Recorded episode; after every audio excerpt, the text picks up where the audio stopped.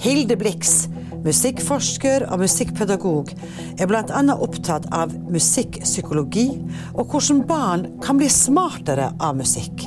Hun har også brukt det siste året på å skrive en artikkel i uka om én kvinne, for å gjøre oss litt mindre redde for å omtale kvinner som geniale.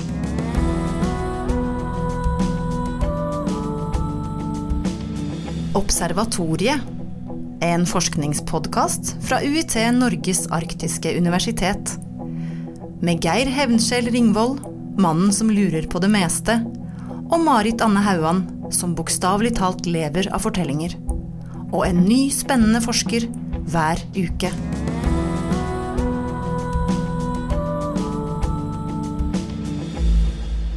I dag har vi en ordentlig godbit. Eh, både for meg som eh, er kanskje over gjennomsnittet interessert i musikk, og for deg som er kanskje over gjennomsnittet interessert i likestilling, Marit. ja, eller i feminisme. Ja. ja, visst har vi det. Vi har jo Hilde Synnøve Blix på besøk, og hun er dosent i hørelære på Konsen, eller Musikkonservatoriet ved Universitetet i Tromsø, Norges arktiske universitet. Og Hilde hun har altså doktorgraden i musikklitteracy. Det er jo et felt vi så vidt kanskje har hørt om eller sett. Det er ikke så mange aviser, og det er ikke så mye oppmerksomhet på dette fagområdet. Men det er altså et, eh, en lære, altså en vitenskap. Så hun, I tillegg til forskning så underviser hun. Og så har hun et eh, veldig interessant eh, prosjekt gående, finansiert av Forskningsrådet, innenfor deres prosjekt Balanse, eller program Balanse, og det heter Kjønn og skjønn. Og alt dette her må vi, vi må komme innom. Ja, ja, ja, ja. Vi har jo tid til det. Men først Altså, vi er utstyrt med to ører og én munn. Det skulle jo bety at vi skulle høre mer enn vi snakka. ja. Er det sånn, da?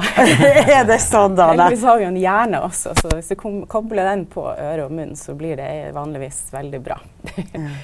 Ja, men hva er det med hørelære? Fortell oss, hva er hørelære? Ja, hvis man skal beskrive hørelærefaget, så må man sikkert også beskrive et musikkutøvingsstudium, tenker jeg. Eh, fordi på Musikkonservatoriet så utdanner vi musikere. Og de skal lære seg å spille et instrument, og de skal også lære seg å være musikere. Eh, og det består av mange ting. Men en av de tingene som det virkelig består av, det er å ha et godt øre. Og et godt øre for musikk generelt, og et godt øre for det du holder på med sjøl. Det er jo snakk om en veldig finpussing av eh, små, små detaljer i det du skal spille. Og hvis du ikke er i stand til å, å høre hva du holder på med, så er det vanskeligere å finpusse. Eh, så det er jo en del av faget. Sånn for egen eh, hørsel, eller ja, blanding av hørsel og sortering av det du hører, holder vi på med. Eh, og da kan man lære seg å høre bedre. Man får ikke en eh, bedre hørsel i hørselstestene hos legen, det gjør man nok ikke. Eh, men man får finpussa detaljene i det man hører, hvis man trener på det. Og det kan alle gjøre. Trene på gehøret sitt. Så det holder vi på med. Så det er samspill, med andre ord. Samspill, eh, ja, og for egen øving og spill også, men i samspill er jo selvfølgelig gehøret ekstra, ekstra viktig. Eh, og da er det jo selvfølgelig en god trening i gehør jo å øve seg på å samtidig som du utøver sjøl, og få med deg hva alle de andre holder på med. Eh, og i en musikkutdanning så holder man jo også på med å, å hjelpe hverandre å bli bedre og bedre, så da er det også noe, å ha noen teknikker for hvordan man skal hjelpe hverandre å bli bedre. Og den finpussinga av gehøret den kan være ganske finurlig. Så vi, vi skiller ofte mellom det å jobbe med gehør generelt og det å jobbe med hørelærefaget, for det kan bli ganske sånn spesifikt. Da, da jobber man eh, systematisk med sånn som man gjør i andre fag, at man deler opp i disipliner. F.eks. jobber vi eh, med rytme på en spesifikk måte, og så jobber man med eh, harmonikk på en spesifikk måte. Og, og så deler vi det opp i biter igjen. ikke sant? Så da blir vi like sær som en eh, gjennomsnittskjemiker når vi begynner å komme på høyt nivå. Har du en, eh, en eh, favoritt-hørelæreøvelse du har lyst til å ta med oss her? Artig. Den kom litt brått på. Eh, ja, det kan vi vel alltids uh, finne på. uh, når det gjelder det her med å, å sortere, f.eks., hvor man er i et, i et forløp, så kan man jo si at hvis dere synger da, da, da, da, da, da, da, da, da, f.eks. Ja, men det er nydelig. Og så setter dere tall på dem fra én til fem og opp. En, to, tre, fire, fem, fire, tre, to, én. Og så synger dere to. Der var én. Nei. Én. En, to Ja. Og her er én. Og så synger dere opp til fem igjen. En, to, tre, fire, fem, fire, tre, to, én. Og så synger dere fem. Fem. Ja. Og fordi vi har satt tall på dem, så husker dere hvor den er. Yeah. For dere har tall og lyd på den, ikke sant? Sånn starter vi ofte da, i hørelære. Yeah. Ja. Det er det som eh, jeg, jeg Ikke inntrykk av at det er så mye i Norge, men eh, jeg var en gang i Øst-Europa hvor de brukte mye do, re, mi. yeah. uh, altså den, den måten der. Hvor, hvor uh, Altså det, det var um, De brukte for ganske små barn, altså.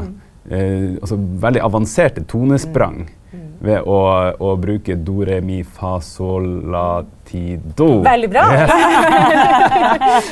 Og i ulike variasjoner. Eh, er det noe vi burde eh, slenge inn i Kunnskapsløftet? Ja, det hadde vært stas. Vi, er, vi savna jo en norsk Soltan Kodai, egentlig. Soltan Ah, ja. Kodai er den ungarske pedagogen som, som eh, har laga, sammen med sin eh, kollega Elsebeth Søni, har laga et fantastisk godt og veldig eh, bra progresjon på et opplegg for å få et bedre gehør. Og de starta allerede i barnehagen i Ungarn med, med solfa, som vi kaller det. Altså, eller solfège. Eh, hvor de har håndtegn på de samme stavelsene. Ja. Do, re, mi, fa, så, tror jeg er. Ja. Mm. Og det er så Eh, vittig, så, så brukte du armen på eh, forskjellige Ikke måter. sant, når du, ja. Og det er noe med at da blir kroppen kobla til den lyden du hører inni hodet, og så får du en stavelse som alltid er det femte trinnet i skalaen, er alltid så, og så videre. Så da har du på en måte en veldig, veldig godt eh, sånn sorteringssystem for hjernen for å høre musikk. Eh, men men eh, hørelærefaget, eller ja, hørelærefaget jobber man også med eh, å forske på hvordan hørselen tar imot eh, signaler, f.eks., og hvor mye kaos i lydbildet må du ha for at ting blir eh, hva heter det, forstyrra i lydbildet. Eh, sånn at eh, faget har mange forskningsretninger, også musikkpsykologi er det mange som holder på med. Eller mange, vi er jo ikke så mange. det er et lite fagfelt. Ja. Eh, men det er en del av fagfeltet musikkpsykologi. At, ehm, for også, å ta det litt sånn ut av eh, kom, Musikkonservatoriet og, eh, eh, og omsettelig til eh, oss folk flest, da. Eh, så ehm, er jo ikke det her et fenomen som er bare eh, aktuelt for de som skal utdanne seg til profesjonelle musikere. Nei. Eh, jeg har jo sjøl en gang i tida gått på lærerskolen. Ja. Og der var jeg ute i praksis og så hvordan musikkundervisninga i barneskolen ble gjennomført. På ganske forskjellige vis, altså. Ja. Og det, det, det spente seg fra Unnskyld. Det spente seg fra um, uh, en skole som ikke hadde musikk på timeplanen. De sa at her jobber vi tverrfaglig og putter musikk inn i andre fag. Og i praksis så, så eh, ville det si at uh, i engelsktimen så satte de på en CD-spiller med Annie sin 'Tomorrow'. Og så satt alle de ivrige og sang med, og resten uh, ble ikke irettesatt hvis de ikke gjorde noe som helst. Og i den andre enden av skalaen så har jeg sett uh, altså femteklassinger som har lært seg notasjon og samspill på avansert nivå. Ja. Hva har du eh, eh, holdt på å si, eh, å si om det? Så mangt. Ja, det, det er jo et, eh, Ja. et lerret som Det er er kanskje en egen podkast? Det er en podkast, ja. da. Men det kan, hvis jeg skal overføre det fra mitt fag, som er eh, gehørfaget, da, eh, så kan du si at det, det fins i overkant mye forskning som viser at det å holde på med musikk i livet, og da tenker jeg alltid fra man blir vugga av mammaen sin som, eller pappaen sin som synger barnesanger, eh, og det med bevegelse i barndommen og det å faktisk bruke stemmen til å synge. Det er så mange elementer i det som i, i, handler om å være menneske i det hele tatt. Og hvis du blir på en måte frarøva eller fratatt etter hvert de mulighetene, eh, så tror jeg du mister noe viktig i livet. for Eh, å tørre å snakke i forsamlinger. Hvis du aldri har sunget, så det er kjempevanskelig. Men hvis du har brukt stemmen din og er trygg på hvordan den høres ut, eh, så gir det deg en kompetanse som du får nesten gratis gjennom å synge mye i skolen. f.eks. Mm. Eh, og så har jeg ståltro på at uh, sang i skolen, og da tenker jeg på at man faktisk synger og forbedra sangen, uh, altså sang som fag, er kjempe, kjemperelevant for alle mennesker. for sjølfølelse, for språklæring, for matematikk.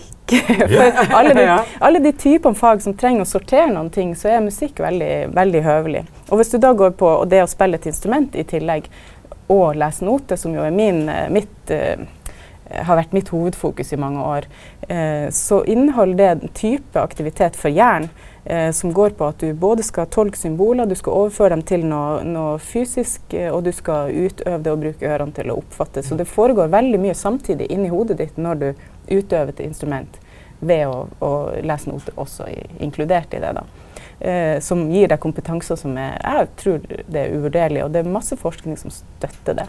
Ja. Mm. Det har jeg nemlig hørt det, at du altså uh, sånn, i, i, avisen så har du jo den tabloide mm. sånn eh, 'Slik får du smartere barn'. Ja, ikke sant? og, uh, det er ved å, å, sende dem på en musikkaktivitet eller å satse på praktisk-estetiske fag i skolen. Mm. Men hvordan retning tar det her i Norge? Ja, det var vel et retorisk spørsmål. Eh, det, går jo ikke, altså det går ikke fremover. Fagene våre blir mindre og mindre. Det føles som de blir eh, mindre og mindre viktige. Og det, uh, den her store legitimeringsbehovet Nå må vi legitimere musikkfagene med nettopp det jeg sa, at det er så bra for hjernen din. og sånn. Vi skulle jo ønska fra vår side at det holdt i massevis å si at det er herlig å holde på med musikk, uh, og at man holder på med det fordi at kunsten har en, en egenverdi som uh, Eh, som den enkelte behøver, og som samfunnet åpenbart eh, behøver, og at skolen har en rolle i det, er jo eh, ja, selvsagt. Var selvsagt, i hvert fall. Men vi må vel si at i samfunnet så har vi jo mange mange, mange flere kunstnere i dag enn vi hadde for bare 20 år siden. Mm. Både innenfor utøvende billedkunst, musikk. Mm. Uh, så vi har mange folk som er i feltet. Ja. Men har vi den uh, politiske oppmerksomheten på det. Det er vel, det er vel kanskje et pussig disforhold mellom hvor mange det er, mm. og hvor liten oppmerksomhet det får. ja. Det er ganske digg med sånn matte og de fagene som er så lett målbare. Ja, er ikke det, noe med det? Det er noe med det, ja. tror jeg nok. Ja. Ja, og så er det ikke sånn umiddelbart lønnsomt å holde på med musikk for et samfunn. Men hvis man ser på hva som tjener penger i Norge, så er, er musikkbransjen eh, enorm. Ja, altså det er en av de største bransjene i, i Norge økonomisk sett. Og kulturnæringen er de som vokser mest. Absolutt. men vi har jo også en, som heavy metal er jo en av våre sterkeste eksportartikler. ja. Så det må vi jo aldri glemme. Men, sånn brunost og Dimmu Borger. Ja, ja, det er brunost. Skal vi vende oss litt? Nå har vi liksom hørt om hørelære, vi har hørt om skolen. Og så er det dette Kjønn og skjønn-prosjektet som uh, du har holdt på med noen år nå, og som uh, jeg skjønner går over også i en ny fase i et nytt prosjekt med kjønn og ledelse.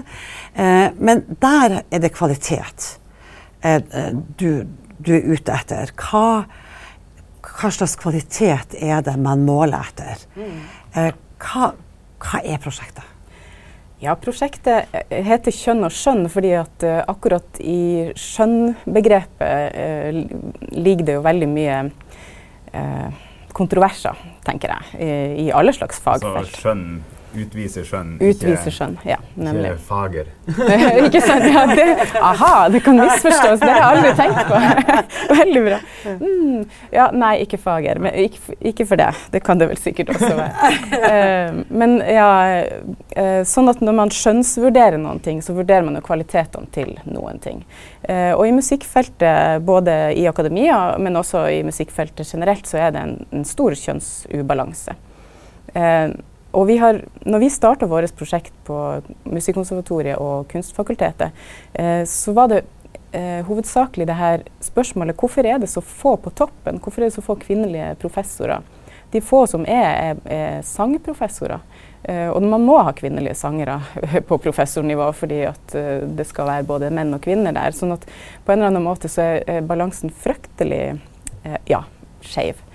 Uh, og i, i uh, det frie feltet, festivaler f.eks., uh, i ledelse av kulturinstitusjoner osv., så, videre, så er det på toppen så er det veldig mye menn foreløpig.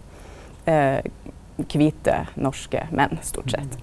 Eh, så vi behøver et større mangfold, og vi behøver et større mangfold på mange, eh, på mange ja, hva heter det, også horisontalt. Eh, men det, som vi da gikk inn med, var hvorfor er det sånn, og hva kan vi eventuelt gjøre med det. Og heldigvis så er det Balanseprosjektet både et forskningsprosjekt og et tiltaksprosjekt. Og det syns jeg er kjempeflott, for da, da, får man liksom vært litt i aksjon. Jeg er vel litt aksjonist er det nok i meg, tenker jeg. Eh, så da gikk vi inn i, i prosjektet med spørsmålet om eh, kan det ha noen ting med hvordan vi vurderer kvalitet å gjøre når vi sier vi, vil, vi, ser ikke på kjønn, vi vil bare ha de beste. Uh, vil det si at vi vet hva de beste er for noen ting? Eller er det også faktisk diskutabelt? Og kan det være flere kvaliteter som vi burde ta vare på? Uh, så vi har, vi har, i hovedsak tre forskningsprosjekter knytta til dette prosjektet. Og, og, det ene av dem, da går vi inn på Når man skal bli professor i et fag, så, så søker man om et opprykk, eller man søker stilling og et professorat. Uh, og da skal man vurderes av en komité om man er professorabel.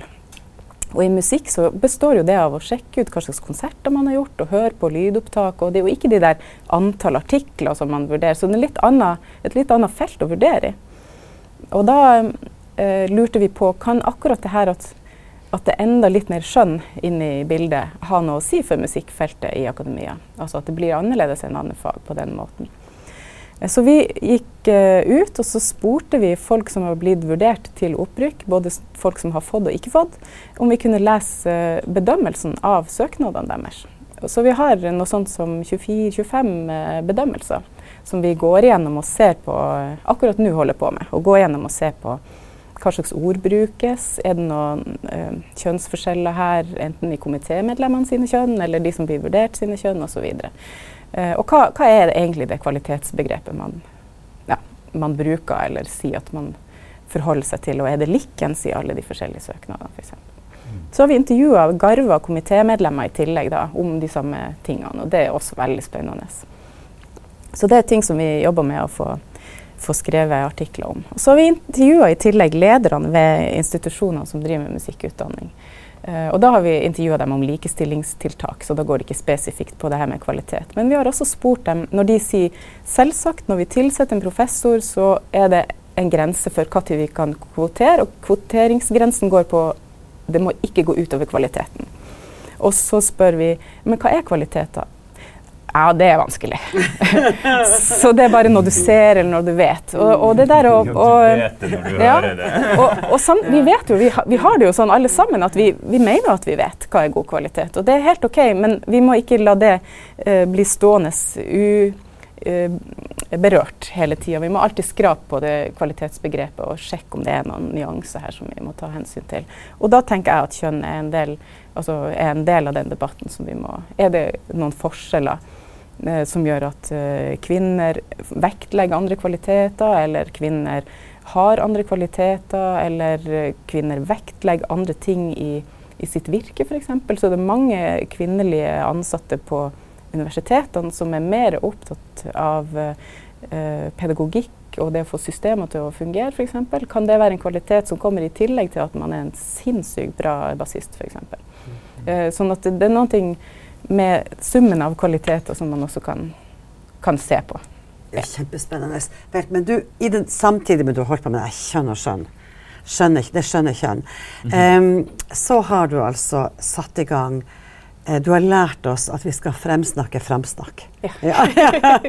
du har satt i gang et Wikipedia-prosjekt. Mm. Uh, det skjønner vi er et nyttårsforsett. Ja, vet du hva, jeg vil jo helst ikke snakke om det, for at jeg ligger litt etter på antallet. ja, men uh, det spørs om det ikke blir ganske godt inn i 2018 før alle er ferdig. Men det starta egentlig året før.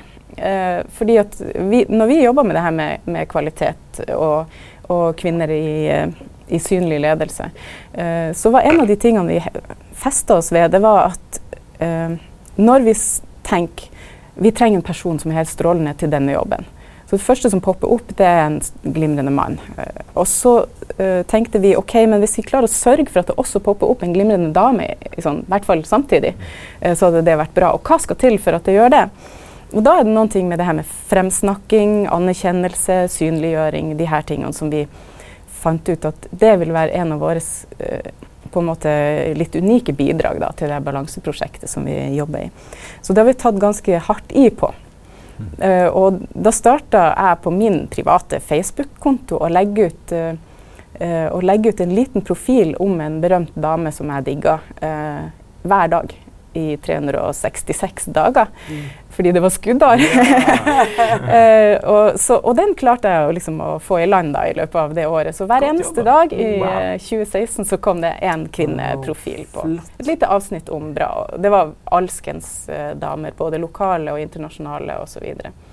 Uh, og da, i løpet av det arbeidet, så oppdaga jeg at det er ganske mange av de damene her som det ikke engang fins Wikipedia-artikler om. Så da kom den ideen om at må i hvert fall få fremskrevet dem eh, som mangler på Wikipedia. Eh, og da begynte jeg å, å sjekke ut Wiki som, som, plattform eller som leksikon, og fant ut at for det første så er det veldig få damer som skriver på Wikipedia. Det har, har vært en tendens til at Wiki har vært et litt sånn hardt samfunn med litt sånn Eh, geeks eh, som har holdt på med det. Eh, og da har det, miljøet vært litt sånn uvelkommende for damer, men det er blitt veldig veldig mye bedre nå. Uh, sånn at både plattformen i seg sjøl er enklere å bruke, og, og man blir ønska velkommen og blir tatt vare på når man begynner å skrive. Så det anbefaler jeg alle, mm. alle å gjøre. og det andre er at det er mye færre damer som blir skrevet om enn menn. Og mye færre tematikker som interesserer kvinner verden over, som blir skrevet om. Så det, det er en stor jobb å gjøre i leksikonverden, og jeg mener universitetene har et kjempeansvar der. Uh, så da begynte jeg å, uh, i januar 2017 og bestemte meg for at hver uke nå så skal jeg skrive en Wikipedia-artikkel om en dame som uh, bør finnes på Wiki. og det er jo, det er jo litt av et arbeid. Det skal jo være en ordentlig, en ordentlig leksikonartikkel. Så må man jo skrive det ryddig, og det må være kilder, og det må ikke være ubekrefta mm. informasjon. Uh, så da gikk det ganske bra. Kjempelenge. uh, men de 52 de blir nok ferdig i løpet av 2018, tenker jeg. Ja. Det, det, er mer enn godt nok, ikke sant? Ikke sant? Ja, vi må nesten. Nok, si. Men du, altså Forsker, underviser uh, Hvem er egentlig Hilde Blix? Yeah. Jeg skjønner at du spiller horn. Ja, det gjør jeg. Og det gjør jeg jo eh, mye noen gang og lite noen gang. Og de siste årene med alle de her tingene så har det jo vært mindre. Men eh, forleden dag så spilte jeg julesanger, så det må jo holde. Det må holde, holde for i år. Hva sa du kom inn i musikken? Du sa musiker ja. sjøl? Jeg begynte å spille i korps når jeg var liten i Bodø. Og så eh, øh, gikk jeg på Heggen videregående skole på musikklinje, og så har jeg studert på universitetet i Harstad, ja. ja. Eh, og så har jeg studert på Universitetet i Trondheim og tatt musikkvitenskap der. Og så flytta jeg til Tromsø og begynte som kulturskolelærer og dirigent. Og dirigerte Skittenelv musikkorps og Tromsø Brass. Oh, ja, nydelig. Dirty River Brass Band heter det jo på fint. da. Ja. Eh, og så, når jeg fikk jobben på Musikkonservatoriet, så hadde jeg allerede undervist litt uh, musikkhistorie og satslære og sånne fag. Men akkurat uh, gehør, altså hørelære, det det er et fag sånn midt imellom eh, praksis og teori som, eh, som, falt meg veldig godt for hjertet, må jeg si. Vi vet jo eh, at du har spredt deg på flere felt. Hørelære, kjønn, undervisningsmetodikk. Um, hvor er ditt, dine fagområder om 50 år? Om 50 år, ja. Mine fagområder om 50 år Ja, kjønnsbalansen er forhåpentligvis litt bedre da, men det går ikke av seg sjøl, så vi må jobbe på med det. Eh, når det gjelder hørelærefaget, så er jo det også et av de små fagene som av og til føles litt trua, og som av og til eh, kjennes ut som det eh, ja, andre kan ta seg av det, f.eks. osv. Men vi er ganske, eh, ganske samla i Norden. Eh, sånn at faget tror jeg har en bra fremtid, og jeg tror at det vil kom styrka ut av de rundene vi har nå med studieplanendringer og måten vi rigger musikkutdanningen på. Så vi er veldig optimistiske i forhold til det. Og så må vi bare fortsette å ruste opp musikkpedagogikkfaget og ta vare på musikk i skolen. For det er et stort, stort ansvar som universitetene har, som, eh, som vi er nødt til å bruke mer tid på hvis ikke de skal forsvinne, rett og slett. Så om 50 år så er ikke det en selvfølge at man har mye musikk i skolen? Man har sikkert musikk i skolen, men om den er så kvalitativt bra, den undervisninga som er, og, og, hva slags musikk uh, undervisninga inneholder, vet jeg ikke. I dag så er det lov for en lærer å, å, si at jeg orker ikke å synge, for jeg er ikke så flink til det. Mm. Og det syns jeg ikke er greit. Så det må vi jo gjøre noe med. Ja, ikke undervise i matte, for at jeg, liksom, jeg digger det liksom ikke helt. Ja. Geografi, kart. Hvem som bryr seg om kart? Ja. Mm. Da tror jeg det gjenstår å uh, si uh, tusen takk, Hilde, for at uh, vi fikk lytte til deg. og ønsker deg masse lykke til med videre arbeid for flere gode Wikipedia-artikler om, om kvinner. Og ikke minst at vi sånn oss imellom håper at det er litt mer plass for hørelære og den slags i skolen og universitetene fremover. Ja. Mm. Takk for meg. Veldig hyggelig å være her.